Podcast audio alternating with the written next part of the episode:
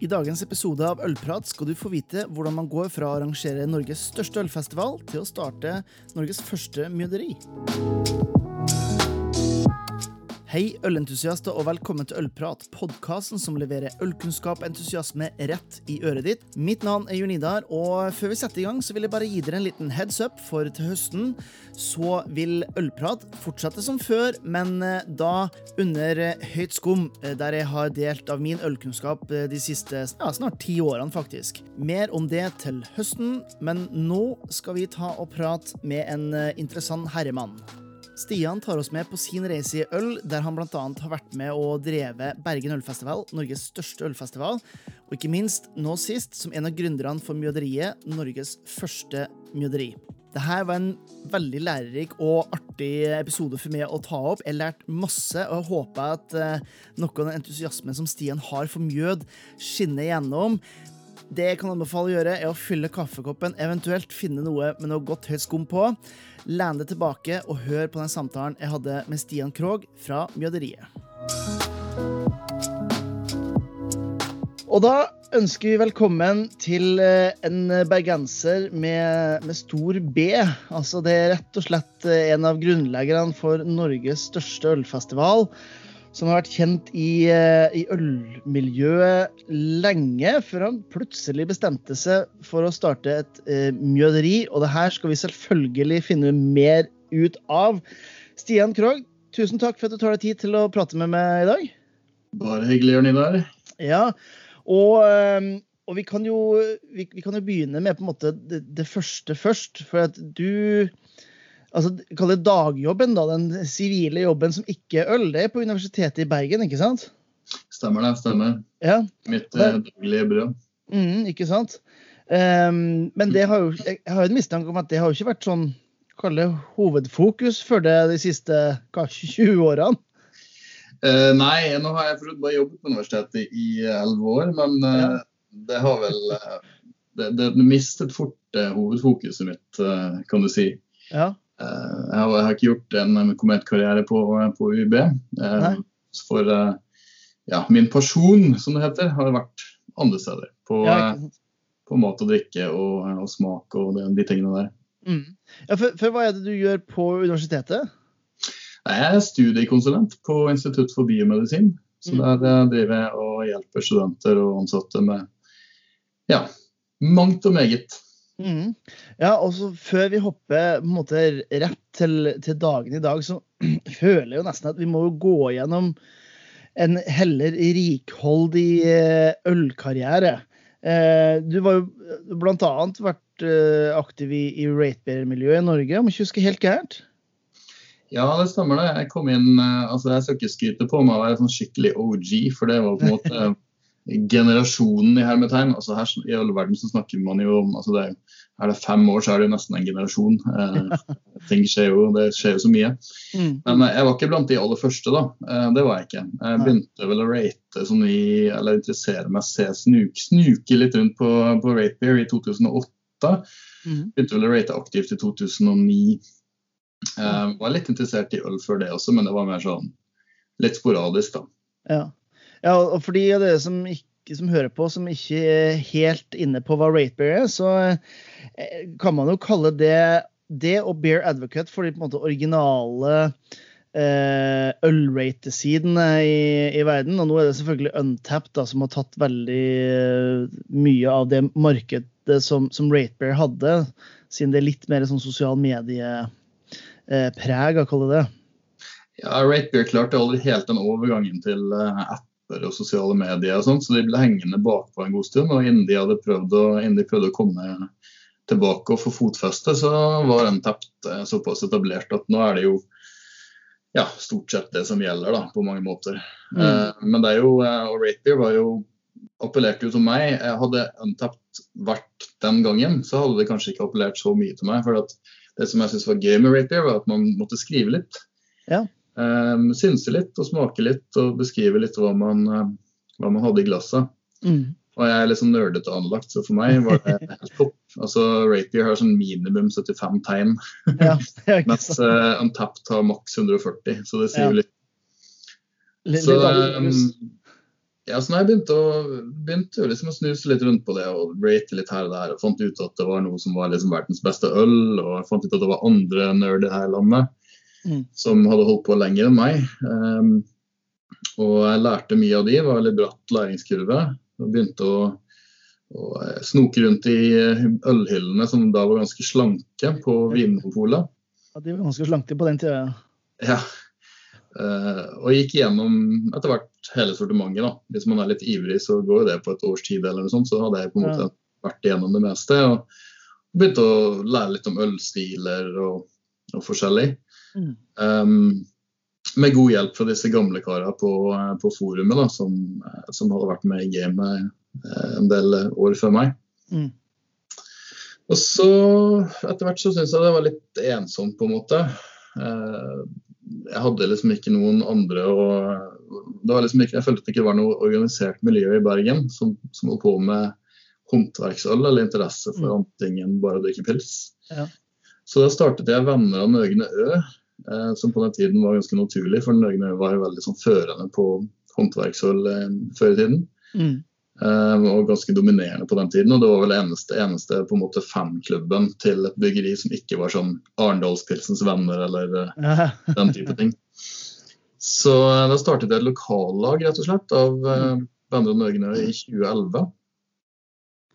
Som, eh, og vi holdt på med litt forskjellige utflukter og seminarer og pubkvelder og quizer. Og ja, prøvde liksom å, å lage det til et lite community. da. Og veldig mange av de som var med i oppstarten på Nøge, Vane, Vane som det het, altså Venner og Nøgne Bergen, det, de har jo gjort karriere i, innen øl nå, da. Eh, Ja. Eh, Enten helt proft eller sånn semiproft. Eh, F.eks. Eh, Gard Schmidt Garsen og, og eh, Sammy Myklebust og Mm. Tommy Holen Helland. Ja. Så det var, eh, det var en ivrig gjeng, da, for så vidt. Ja, ja. ja og, og du gjorde jo det her i den tida der, så gjorde du jo Hvis du sier du var litt, uh, litt ensom, eh, så tok du jo grep sånn ordentlig ordentlig i, i 2012, når du, når du starta Bergen ølfestival sammen med en god gjeng ølentusiaster. Ja, og der, var vel, der har jo Ratebeer litt å si. da, og Da begynte jo Facebook og sosiale medier å bli litt mer sånn eh, som alle var på. Mm. Um, og da, da var det noen som Da så jeg at Hanne på Høyden, som hun eh, het på den tiden, eller som restauranten het, med drevet av Hanne Frosta, eh, hun eh, la ut et innlegg på Facebook om at de hadde begynt å brygge sitt eget øl. Mm. Og så kommenterte jeg på det innlegget, og så dro jeg rett fra jobb ned til henne. Det var vel kanskje ikke mer enn en halvannen time seinere.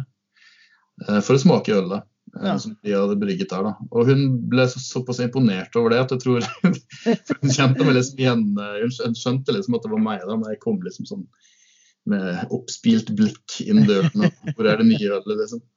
Eh, På den, på den tiden så var det ikke så mye nytt å, å finne, så det var liksom en sensasjon hver gang det dukket opp noe nytt. nesten. Ja, ja. ja, det gikk jo nesten sånn gjetord på den tida. Det er ikke sånn som eh, Sånn som i dag når man ser på nyhetslanseringen til Vinopol, at det er 100 pluss nyheter. Altså, det ville jo vært uh, nesten hele ølhylla i starten av 2010-tallet.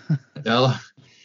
Så, så, um, og så, ja, så tenkte jeg ikke noe mer på det, da. Men så, hadde, så fant Hanne Frosta og eh, Gunnar Nagell Dahl, som dessverre er avdød nå, eh, han var sånn matattaché for Hordaland fylkeskommune på den tiden. Mm. Som skulle liksom spille som matkultur og hadde mye med matfestivalen i Bergen å gjøre.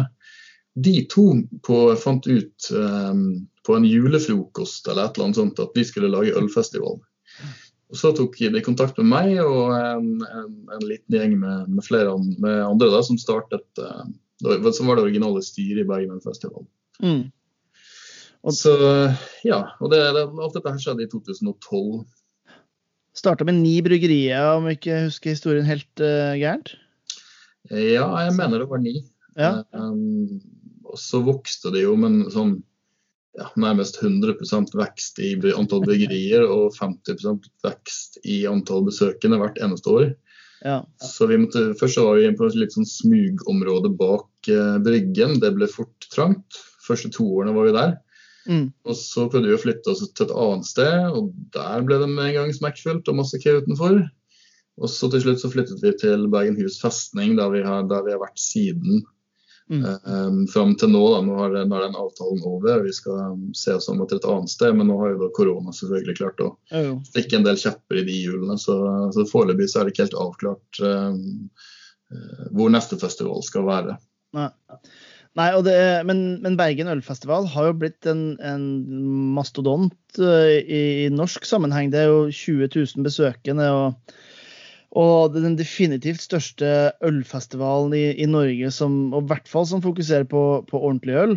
Det resulterte jo bl.a. at uh, dere fikk uh, prisen Årets ølhund av uh, Bryggeriforeningen og deres medlemmer i, i 2018. Ja, det var jo veldig hyggelig. Jeg syns det var gøy at Bryggeriforeningen var litt sånn framoverlent i forhold til de små bryggeriene. De er jo en sånn tverrpolitisk organisasjon som, Mm. som også har mange store aktører med på laget. Og det er vel egentlig de som har dominert, eller dominerte de første årene som jeg på en måte var involvert eller hadde hørt om Bryggeriforeningen. Mm. Men så snudde det seg litt etter hvert, og de skjønte jo at det var, de hadde fikk jo etter hvert veldig mange medlemmer som var små. Ja. Eh, Så de siste årene har det vel vært eh, kanskje mer fokus på, på det aspektet, da. Ja, ja det Jeg har jo vært, eh, vært der borte et par ganger. det, det, det som du sier, er ganske sånn eksplosivt utvikling i, i, i antall eh, sikkert besøkende, men, men også i antall eh, utstillere også opp igjennom, kan jeg, kan jeg se for meg.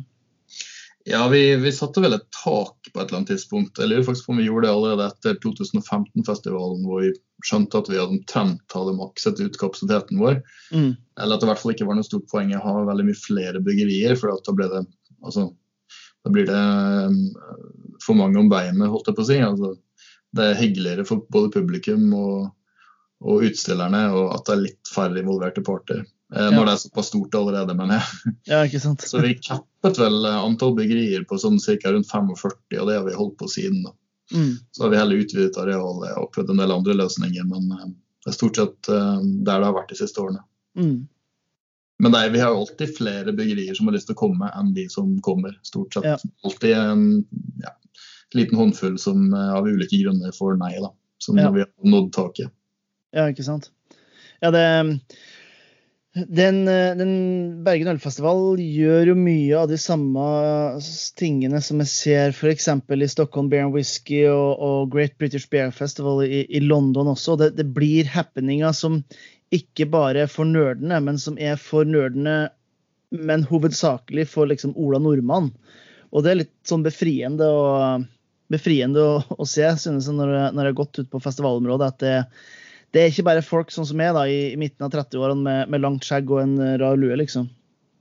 Nei da, det var jo det var ganske bevisst. eh, Vi har jo hatt en del diskusjoner om profilen til Bergen Festival, og ideen bak Bergen Festival, eller hele på en måte grunnsteinen eller grunnkonseptet, var jo at vi skulle få eh, vanlige folk som ikke var opptatt av øl, til å bli mer opptatt av øl. Mm. Um, og, og Derfor så hadde vi helt bevisst invitert uh, de store bryggeriene, um, som vi har for så vidt har holdt på siden. Mm. Så Ringnes og Hansa og oss og alle disse her. Eh, men vi har også um, Og vi har hatt på en måte en lav, lav terskel for å komme inn. Sant? Lav billettpris. Ja. Så betaler man heller for, for det man drikker. og Ideen er jo at, uh, at du har gjerne en som er litt interessert i, i øl i en gjeng, og så drar han med seg noen venner. Som bare ja, ja, vi kan gå og drikke øl, liksom. Og så får de seg en liten øyeåpner når de ser så mye forskjellig som er der ute. da. Eh, nå har det jo for så vidt blitt så mye både på pol og butikk at eh, akkurat det at det finnes mye forskjellig, det er vel ikke noe sjokk for noen. Men, men de første årene så var det veldig mange som, som fikk eh, sitt første møte med IPA og Porter og Stout og sånt på, på Bergen Ølfestival. Og Ja, det syns jeg er veldig kult. Ja, det er en slags sånn brobygger mellom, eh, mellom det de, de som er vant til å drikke kommersielle, kommersielle produkter, og de som er mer på, på håndverksølsida. da. Ja, og det, du merker det også på bryggeriene sitt utvalg. Sant? De fleste tar med seg eh, selvfølgelig noen sånn flaggskipgreier med sterke, sære fatlagete ting og surøl og diverse for, for nerdene. Men, eh, men veldig mange bryggerier er bare rett og slett opptatt av å, å vise seg fram og vise de vanlige ølene de har også. Mm. Eh, Så det er noe for enhver smak. Du, eh, du kan få så mye sært og rart du vil, men du kan få deg en pils òg hvis det skulle, skulle, hvis det skulle være nødvendig. Ja, ikke sant.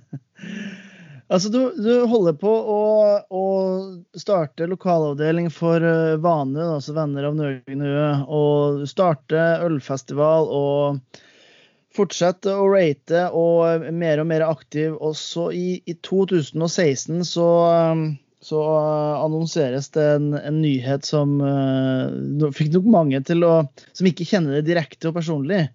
Uh, I hvert fall. Uh, fikk oss til å, til å sperre opp øynene litt. Og det var det at du skulle starte et, et mjøderi. Ja, hva, og hvorfor og hvordan og Det er så mye spørsmål! ja.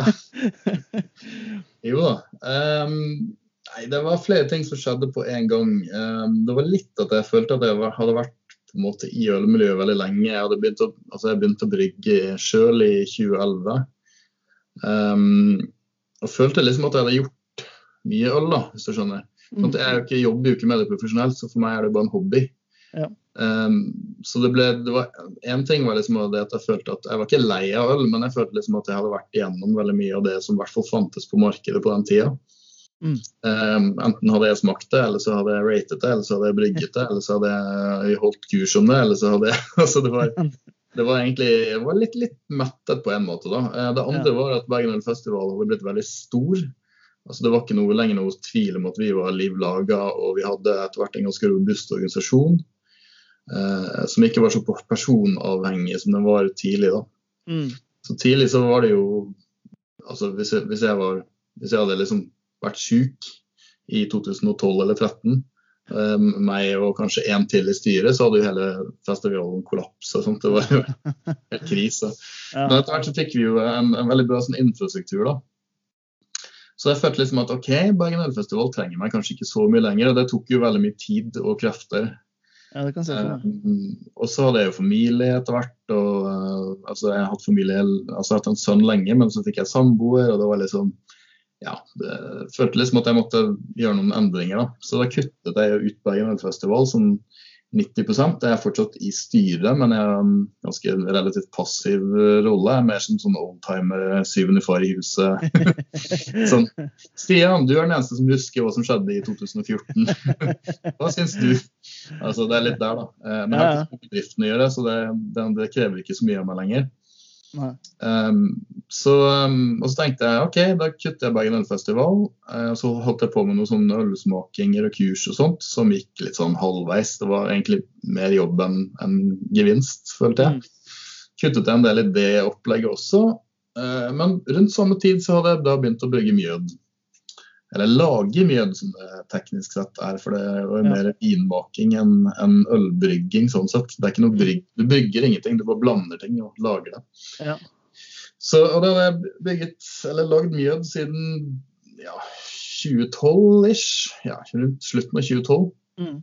Så på det tidspunktet, da, i sånn 2015-16, når vi kom så langt, da hadde jeg allerede gått med, med planene litt i hodet, da, men sånn ca. fra 2014-2015 om et, eh, et mjøderi. Jeg hadde lyst til å prøve det. Det var ingen i Norge som, som lagde mjød, og i hvert fall ikke eh, kommersielt. Og i hvert fall ikke i altså det, som et dedikert eh, firma, da, som, altså, bryggeri, som, eller mjøderi, som, som bare lagde mjød. Nei. Så jeg syntes det var spennende. Jeg begynte, hadde begynt å få noen batcher under beltet, og enkelte av de var til og med ganske gode. Så det var ganske mye som ikke var godt også i begynnelsen. Det var mye sånn vill eksperimentering med smaker.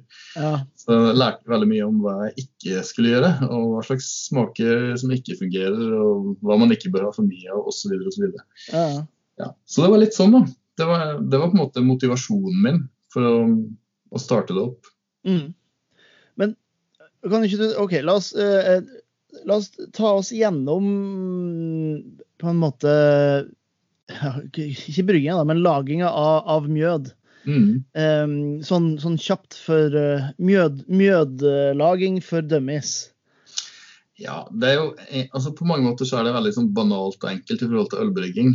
Eh, Men på en annen side igjen så er det en del ganske mye ting å tenke på som man ikke trenger å tenke på eh, når man lager øl. Eh, Så det er litt forskjellige prosesser. Det som selvfølgelig begge to har til felles, er at det er jo eh, fermentering av sukker Mm. som blir til en alkoholholdig drikke. Men eh, der f.eks. ølbrygging tar en liten arbeidsdag for å komme gjennom et brygg eh, som hjemmebrygger. Kommer litt an på utstyr og sånt selvfølgelig, men sånn i all hovedsak i hvert fall, eh, så tar eh, det å sette en batch mjød stort sett vesentlig kortere tid. Mm. Så det vi, snakker, snakker om alt fra ja, nesten en halv time, halv time, time kanskje, med rydde og vask, til to-tre timer hvis man skal ha litt sånn spesialingredienser eller ting oppi fra starten av. Ja, altså det er jo da en altså i, i, i, beste fall så er det jo en sjuendedel, så ja, kanskje en tiendedel så lang tid som å, å brygge et øl, da? Ja, noe sånt. Litt sånn pluss-minus. Ja. Jeg, jeg syns det var gøy. altså Grunnen til at jeg begynte å bli interessert i det, var selvfølgelig at ok, for, for det første var jeg jo nysgjerrig på hva det var for noe. Og så hadde vi, lagde vi meg og Erlend eh, Johnsen, en av kompisene mine som nå også er med på mjøderiet, mm. vi lagde en sånn testbatch med mjød. og Da, tenk, da fikk vi høre at den skulle stå kjempelenge, så den sto et år omtrent. Eh, ja. Vi smakte på den.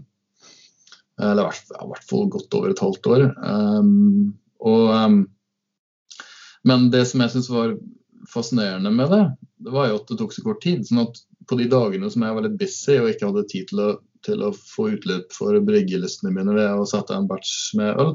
Mm. Så kunne jeg på en måte skvise inn en batch med mjød. Ja. så resultatet var jo at det sto, eh, det sto etter hvert en sånn 10-15 sånne små femliters eh, glassballonger med, med ymse farger og, og, rare ting oppi rundt i leiligheten min. Um, så, for det var liksom Sånn, det meste av det skulle jo stå en stund, så det ble liksom bare det ble akkumulert. det hopa seg opp litt? Ja, det gjorde det. På et tidspunkt så var det litt mye. Uh, men, um, men, det var jo det var artig, det. Så det, det når, du, når, du, lager mjød, så altså, det banale med den banale må, måten å fortelle hvordan du lager mjød på, det er du tar vann, du tar honning, du blander det, du tilsetter gjær. End of story. Ja. Altså, det er ikke verre enn det. Det høres jo like enkelt ut som å lage havregrøt. Ja, omtrent. Altså, det er ikke langt ifra. Nå har du selvfølgelig noen detaljer. sånn at du må selvfølgelig kanskje, altså Det er lurt å kanskje varme opp vannet litt først, for det er det vanskelig å få rørt ut honningen. Eh, og så må du selvfølgelig også pitche gjær på rett temperatur, sånn som du må med andre ting. Mm. Um, og så bør du bruke mer gjærnæring. Uh, vesentlig mer enn det du bruker vanligvis til øl. Mm. Um, og hvis du skal gjøre det ordentlig, sånn som jeg lærte meg etter hvert, som jeg fikk en del tips fra bl.a. Ja, en del folk i USA. I USA har de jo et kjempemjødmiljø, både mm. på amatørsiden og eh, proffer. Det begynner vel å nærme seg 600 mjøderier i USA nå. Oi, eh, de fleste er ganske små, sånn som oss. Mm. Men du har noen litt større også. Eh, og De eldste har holdt på siden midten av 90-tallet. Ja. Um, men de aller fleste har kommet sånn i de siste fem årene, og veldig mange de siste to-tre to, årene. Mm. Så der plukket vi opp noen fermenteringstips. da. Um, for det er nemlig ganske mye oppfølging med, med mjød i forhold til øl. Okay. Ja, det er sånn, du vet, Når du, når du brygger øl, så er det sånn OK, da var vi ferdig med den batchen. Ja. Det er kanskje litt tørrhumling i bildet, og litt sånne ting, men i all hovedsak så er du liksom ferdig. Mm. Jeg venter, og hvis det blir bra, så flasker vi det. Hvis ikke, så går det stort sett i dass. ja, det stemmer. altså, hvis det er skikkelig dårlig, da. Um, mens i mjødlaging så er det sånn ja greit, nå har du lagd uh, musten, som det heter. Altså tilsvarende vørter, da. Mm. Honningvannet. Ja, flott det. Det tok ikke så lang tid. Men så er det da oppfølging. Så for det første, så hvis du skal ha en eh, garantert ren og fin utgjæring, så bør du selvfølgelig ta hensyn til temperatur, det er sånn samme som øl. Mm. Men i tillegg så bør du gjerne fòre den musten med ekstra oksygen og ekstra jernæring. Mm. Og dette gjøres på, um, på sånn intervall, eh, langs en sånn intervallskjema, eller sånn plan, hvor du tilsetter eh, henholdsvis oksygen og jernæring på, på ulike tidspunkter. Og det, den prosessen varer omtrent ja, med litt avbrudd en uke etter at du ja, okay. har satt den. Ja, Det er jo ikke så gærent. Nei da, eh, men det er litt sånn dill. Sant? Når du, ja. Så er du vant til at OK, greit, nå er bøtta i, i kjelleren, den står og plopper, og det kan bare vente et par uker og så flaske. Sånt. Mens med på mjød så er det sånn OK, dag én gjør du det, dag to er det dag tre, og så må du kanskje vente til dag syv før du gjør noe mer. Så det er litt, litt mer komplisert. da. Det er ikke enorme mengder arbeid, men det krever en del eh, oppmerksomhet. Ja. Og så når du er ferdig med da primærgjæringen, så må du stabilisere eh, mjøden. Enten det kan du gjøre på flere måter. Du kan filtrere den, pasteurisere den eller stabilisere den med vinsvovling, sånn som vinmakerne ofte gjør. De som ikke lager naturvin, i hvert fall. Mm. Eh, og det er rett og slett for at mjød, eller, og vin sikkert generelt, altså den type drikke, da, har en tendens til å være litt sånn lumsk med gjæringen, så du tror det er ferdig, og så er det ikke ferdig. Det har jeg selvfølgelig erfart på en hard måte. Det er sånn, ja, Den her har ikke vært liv i på en stund. Jeg er sikkert på tide flaske, da. Ja ja, det er fint, det.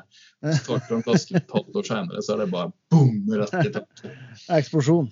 Ja, skikkelig. Og den var helt flat når du flasket den, liksom. Så, um, så det er lurt å gjøre. Stabilisere sånn at du vet at ikke det gjærer mer. Og så da må du da sjekke om produktet er sånn som du vil ha det. Om det er søtt nok eller for lite søtt, eller om du vil ha noen ingredienser oppi. Så da du, blir det en ny prosess med å ha det oppi da, gjerne samtidig mens du stabiliserer, sånn at det ikke fortsetter å gjære når du har oppi ja, f.eks. bærsaft eller frukt eller andre ting. Mm. Ja, fordi sånn, sånn tradisjonelt og, og, og, i tidligere tider Så det man har fått, uh, fått tilgjengelig på, på Vinmonopol av mjød, og egentlig det man har tenkt på mjød, det er jo ren basis fermentert honning. Men det er jo ekstremt mye mer eh, Kall det komplisert enn det, men altså det, det, er mye mer eh, som du sier, med, med bruk av, av, frukt og bær. Og du har jo eh, bragott. Dere lagde jo en, en såkalt bragott sammen med, med Syv fjell, der du bruker både honning og, og malt. Mm. Eh, for å lage en, en øl. Og, og, en av de tingene som jeg syns er skikkelig kult med de produktene som, som mjøderiet lager, er jo at du har jo tatt den kreativiteten som man ser hos bryggerier, og så putta det inn i mjød, rett og slett. Ja, det var jo helt naturlig. Altså vi, og der er det veldig, jeg merker det er vel sånn forskjellig inngangsport fra hvor du kommer fra. Da, for jeg jeg har hatt en del kontakt med mjødmakere rundt i Europa og andre steder. Um, mm. Men kanskje særlig de i Europa. De, mange av de kommer fra Wien. sant? Mm. Så, så de, da er de veldig opptatt av liksom, hva slags eh, honningtype de har. og Mange av de er gjerne birøktere sjøl, eller det er i hvert fall ikke helt uvanlig. Mm. Eller så har de et veldig nært forhold til, uh, til sitt terroir på, på, på honningen.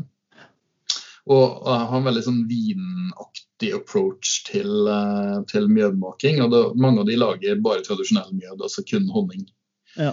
Um, mens de som har bakgrunn i øl, de er mye mer sånn lekende. da. De er mye mm. mer sånn her, okay, Det er ikke så farlig hva, hvordan vi kommer til målet, bare det blir godt. liksom. Så de ja. har alt mulig rart oppi. Vi er litt der, da, selv om vi prøver å og også lage mer sånn, litt mer sånn tradisjonelle utgaver, så er det altså Vi sier jo at vi gjør det, men det har ikke blitt så veldig mange, da. det har en tendens til å skli litt ut.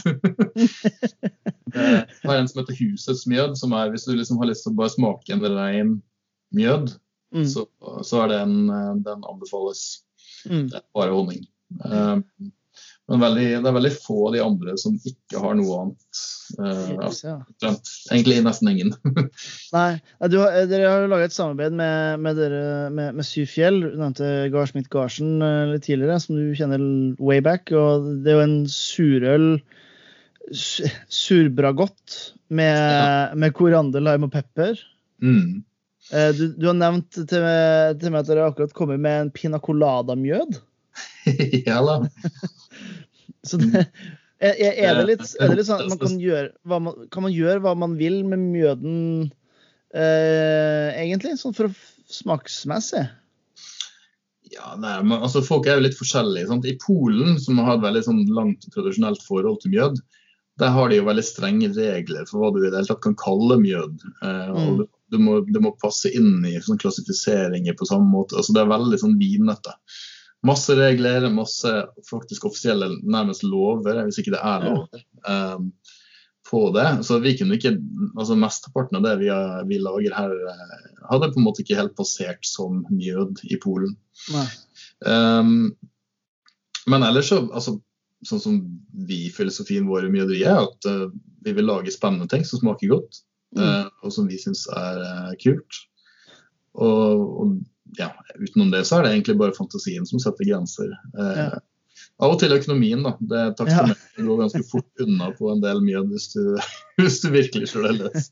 Ja, for honning i seg sjøl er jo en ekstremt dyr råvare å bruke, ikke sant?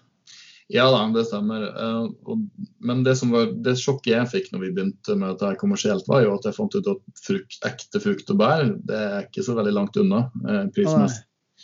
Uh, det er ikke gitt vekk, det heller. Så når du begynner liksom å ha begge deler, da, da blir det dyrt. Ja.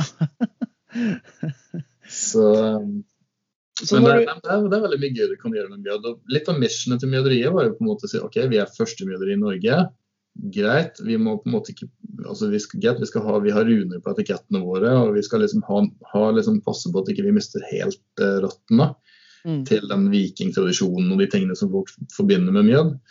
Men vi skal også vise folk at mjød kan være veldig mye rart. Altså det mm. kan være det er like mangfoldig som, som øl og vin, altså, også i sjangermessig. Mm. Så vi har lagd alt fra mjød i butikkstyrke med ananas og lime og ingefær og altså veldig eksotiske ingredienser ja. til, eh, til, helt sånn altså sterke, søte, tradisjonelle mjød og, og, alt i midten, egentlig. ja.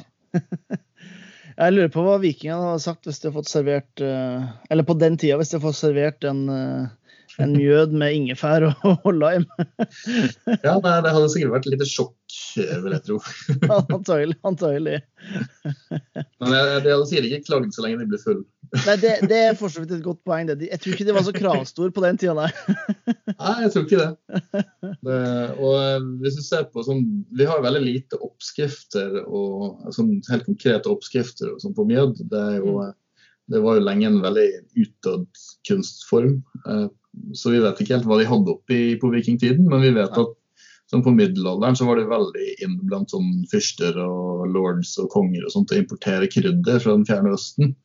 Ja. Eh, så det er nok ikke helt usannsynlig at i middelalderen så brukte de f.eks. ingefær og muskat og nellik og den type ting til å spice opp mjød og vin med.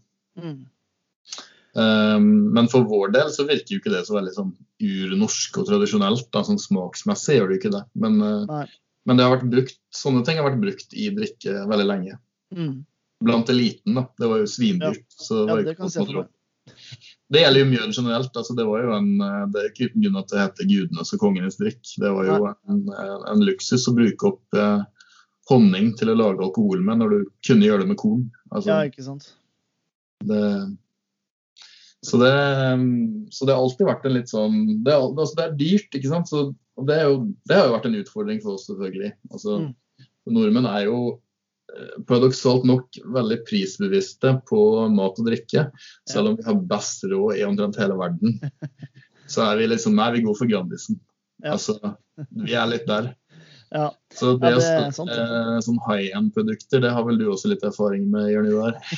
jo, det, um, er ikke så lett alltid. Nei, det, det, er ikke det. det. det. er få land i verden faktisk som bruker såpass lite av eh, husholdningens inntekt på mat som det nordmenn faktisk gjør. Eh, så vi er, vi er, på en måte, vi er bortskjemt i begge ender. Man kan få helt grei mat og drikke til forholdsvis lave priser, og så har vi forholdsvis stor, altså høy lønn. Ja. Um, det er bare at det, det møtes det, Kvalitet og, og, inntekt møtes sjelden i Norge. Man vil heller ja. gå på prisen. Nei, det er liksom da har du det, altså Enten så er du veldig rik. Det er liksom min, min forestilling om disse, hvem som bruker penger på dyre måter å drikke ting. Det er de som enten er veldig rike og litt sånn yeah, whatever, jeg driter i hva det koster. Eller ja. kanskje enda verre. sånn, oh, er det dyrt? OK, jeg tar det. Ja. og så har du de som er interessert i det.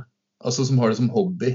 Ja. For da kan du på en måte justify det. For at, altså, tenker på hva folk bruker penger på. Seiling og golf og dyre turklær og sykler og gud vet hva. Ja. Eh, så, så, bruker folk veldig mye penger på hobbyen sin. Hvis du har mat og drikke som hobby, så kan du på en måte rettferdiggjøre at du bruker 100 eh, kroner ekstra på den flasken med øl på Vinmonopolet i forhold til en vanlig, mer vanlig øl. Da. Det er egentlig et uh, veldig godt poeng, det. altså. Men så lenge man har unnskyldning, så, så får vi råd til det meste. Liksom. Du kan ikke bare, du kan ikke bare synes at det er, det er kult med gode produkter. Nei, nei, du må være spesielt interessert. Eller, det er sånn, veldig sånn all or nothing-holdning, ja. Det er sant, det, altså. Ja. Nei, men du, du Stian, jeg syns det her var, jeg synes det her var veldig, veldig interessant og, og lærerikt. Og jeg, jeg, er sikker på at vi kunne prate enda, enda mye lengre. Men uh, skal passe på at uh, vi ikke tar for mye av, av tida di og, og, og lytterne våre òg. Men jeg tenker uh, vi må innom et sånt favorittema for min del, i hvert fall. som jo er Vanligvis er jo da øl og mat. Eh, og selv om du har mye ølerfaring, så føles det jo litt sånn forrædersk å ikke, gi deg muligheten til å, til å prate om, om, mjøden. Fordi sånn som jeg kjenner til mjød uh, fra den lille erfaringa jeg har, så er det hovedsakelig for å, for å nyte, for å drikke uh, alene. Men, men, hvordan er, er mjød og, og, mat? Altså, du putter jo mat i det nærmest når du putter både ingefær og ananas og tjohei oppi. Men hvordan, hvordan, kan du bruke det med, med maten?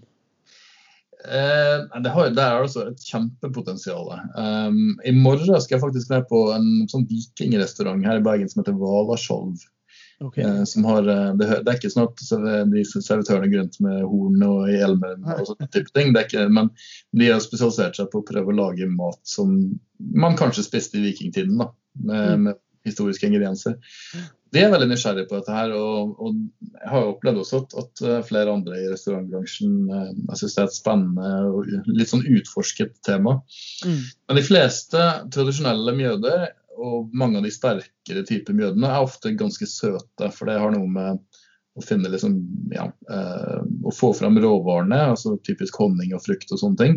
Ja. Og uttrykke de på en god måte. Og så eh, og så er det jo eh, ja, Honning i seg sjøl er jo på en måte en slags sånn trigger på en måte i hjernen. som Hvis du smaker litt honning, så, så sier hjernen 'oi, dette var søtt', selv om det kanskje teknisk sett ikke er det. Ja, ikke sant. Eh, så det er ofte en liten utfordring å, å få, for oss å få, um, å få mjødene våre til å ikke virke altfor søte. Så vi bruker f.eks. en del sånn syreelementer fra sitrus og bær og sånne ting for å, for å smoothe den faktoren der ut, da, sånn at de blir litt mm. mer eh, drikkbare.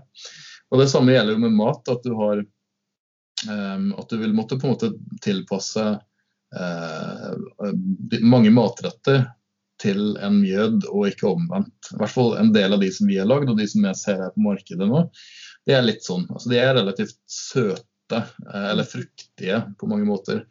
De funker bra til, som aperitifer. Uh, de funker veldig bra til desserter. De funker kjempebra til spekemat og ost.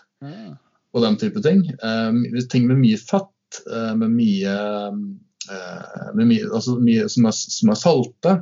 For å få denne fruktige sødmetingen til, til, å balansere de smakene der. Mm. Fungerer veldig bra.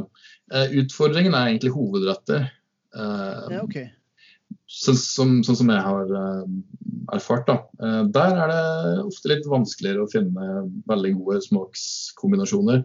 Mm. Vi jobber jo litt med det nå på mjøderiet og prøver liksom å har, har som mål å finne, finne um, smakskombinasjoner eller mjøder som kan på en måte snike seg inn på uh, og um, albue litt på rødvinsmafiaen.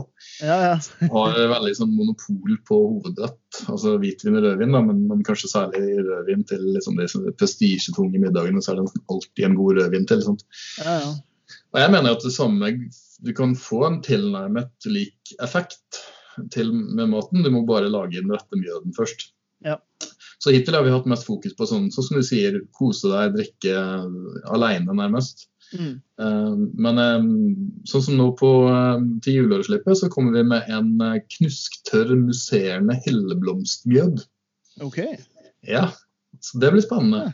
Det blir en, da går vi liksom helt andre veien da, og lager en slags ja. Sånn sjampislignende boblemjød.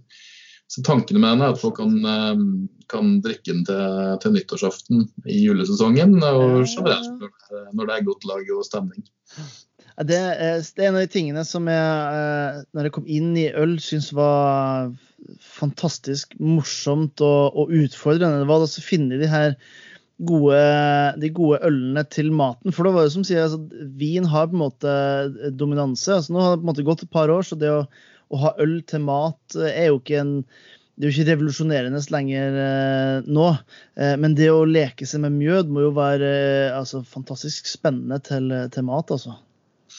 Ja, Det blir på en måte next level igjen. Altså, nå har jeg dessverre ikke øl heller fått det gjennomslaget som jeg føler at, at det burde hatt i, i Restaurant-Norge. Det er fortsatt sånn at vin er litt sånn primary. altså Hvis man er litt sånn avantgarde eller New Nordic, eller hvis kokken er spesielt interessert i øl, så får du tilbud om en ølpakke. Sant? Da har de da har de betjening som kan paire øl og mat, hvis du spør dem. Mm. Men det hører fortsatt til sjeldenhetene, og, og det er jo enda særere. på en måte. Det er på en måte next level i øl, siste bølge ut da, i øl revolusjonen, kan man si, hvis man skal i det hele tatt skal snakke om det. Men det er veldig mange av de som holder på med mye, det er jo fra, fra øl, har jo ølbakgrunn, i her i landet. Ja, ikke sant. Så det blir spennende, men det er masse potensial gjør det. Det er, ja, ja, ja. det er kjempegøy å holde på med. og Man kan lage tørre mjøder, man kan lage halvtørre mjøder. Og halvsøte og søte osv. Så videre. så du har liksom egentlig hele spekteret. Du må bare ja, du må kanskje tenke litt annerledes på det enn du gjør med ja, med brygging, eller både når det gjelder øl og, og mjød ellers. da, sånn som mm. Jeg, har lagd, jeg lagde jo ganske tidlig selvfølgelig måtte jeg prøve å lage en beintørr mjød med bare honning. Ja. Det syns jeg egentlig ikke var noe særlig godt. Altså, det Nei. smakte nesten bare alkohol, og liksom, det luktet litt honning, så smakte det nesten ingenting av det. Så Nei, ikke sant? Det, ble liksom, Nei, ok, det var ingen god idé. Let's do something else. Men uh, nå har vi jo funnet ut at um, ja, hvis du bare har kanskje noen andre ingredienser, så kan du matche den tørrheten og gi den litt mer sånne dimensjoner. da. Syre, mm. friskhet, blomsterpreg. Du kan eksperimentere med gjær. altså Det er masse muligheter. Ja, ja. Det er absolutt ikke umulig å lage både altså mer sånn vinøse, klassisk vinøse mjøder. Det er helt klart. Nei, og Når du, snakker om, rød, om rødvin, og sånt, så er det jo, det får du ofte karakteristikker som eh, krydder, som eh, solbær, som eh, kirsebær. altså Den type ting som du da kan tilsette i og, yep. og, og leke det med. Så ja. Nei, jeg gleder, meg til å, jeg gleder meg til å få servert en, en god medium minus biff sammen med en, med en deilig mjød snart. Det må, det må være målet. We're working on it. ja, det er bra å høre. Du, eh, da må jeg nesten bare spørre. Hva, eh, for det, hva ville vært en, eh, en skikkelig god eh, mjød- og matkombinasjon? Uh, altså, jeg elsker jo sånn litt sånn tunge, søte mjøder til uh, et kraftig ostefat, gjerne med spekemat til. Det er helt magisk. Altså, man snakker jo om portvin til eh, ost eller barley wine. Da. Det er jo, er jo typisk sånn Hvis du spør en ølnerd hva slags, eh, hva slags eh, øl skal jeg ha til, til, osten, så er det barley wine som stort sett alltid kommer opp. Ja. Og Grunnen til det er at den er veldig søt. Og portvin også relativt søt. Så, men, men mjød, altså, det er virkelig Jeg tror nesten at det tar litt knekken på, på begge to. Hvis du får en skikkelig sånn god, søt dessertmjød mm. til eh, et sånn rikholdig ostefat, gjerne med litt sånn skarpe oster og litt sånn ordentlig spekemat og sånn, så er det helt nydelig. Så er det helt innafor, ja. ja, det er ikke bare innafor, det er skikkelig, skikkelig godt. Ja. Eh, så det, det, er jo first pick for min, for min del, da. I hvert mm. fall det som finnes ute på markedet nå. Ja. Ja det høres ut som jeg har noe å, å, å glede meg til til, til helga. må, må, ut på en liten mjød- og ostejakt. Go, go. du, Stian, tusen takk for at uh, du tok deg tid til å, til å prate med meg. Bare hyggelig. Og så ser jeg fram til å våge å ta turen til, uh, til Norges, uh, Norges sentrum, nemlig Bergen. Forhåpentligvis om ikke for lenge. ja, du må gi meg en lyd, så skal vi, kan vi ta en tur ut på Mjøderiet. Så får jeg gitt en liten omvisning. Ja, men Det gleder jeg meg til. Tusen takk for praten, Stian. Bare hyggelig. Ha det godt. Ha det. Stor takk til Stian for en informativ og deilig honningprat, og ikke minst tusen takk for at du hørte på. Om du har lyst på mer ølkunnskap, kan jeg anbefale å sjekke ut bearenthusiast.no. Der er det oppskrifter, artikler og ja, mye mer til. Eh, og så kan du også finne oss på sosiale medier som Instagram og Facebook, der vi bl.a. har direktesendte ølkurs. Og til neste gang så får du huske at gode folk fortjener godt øl.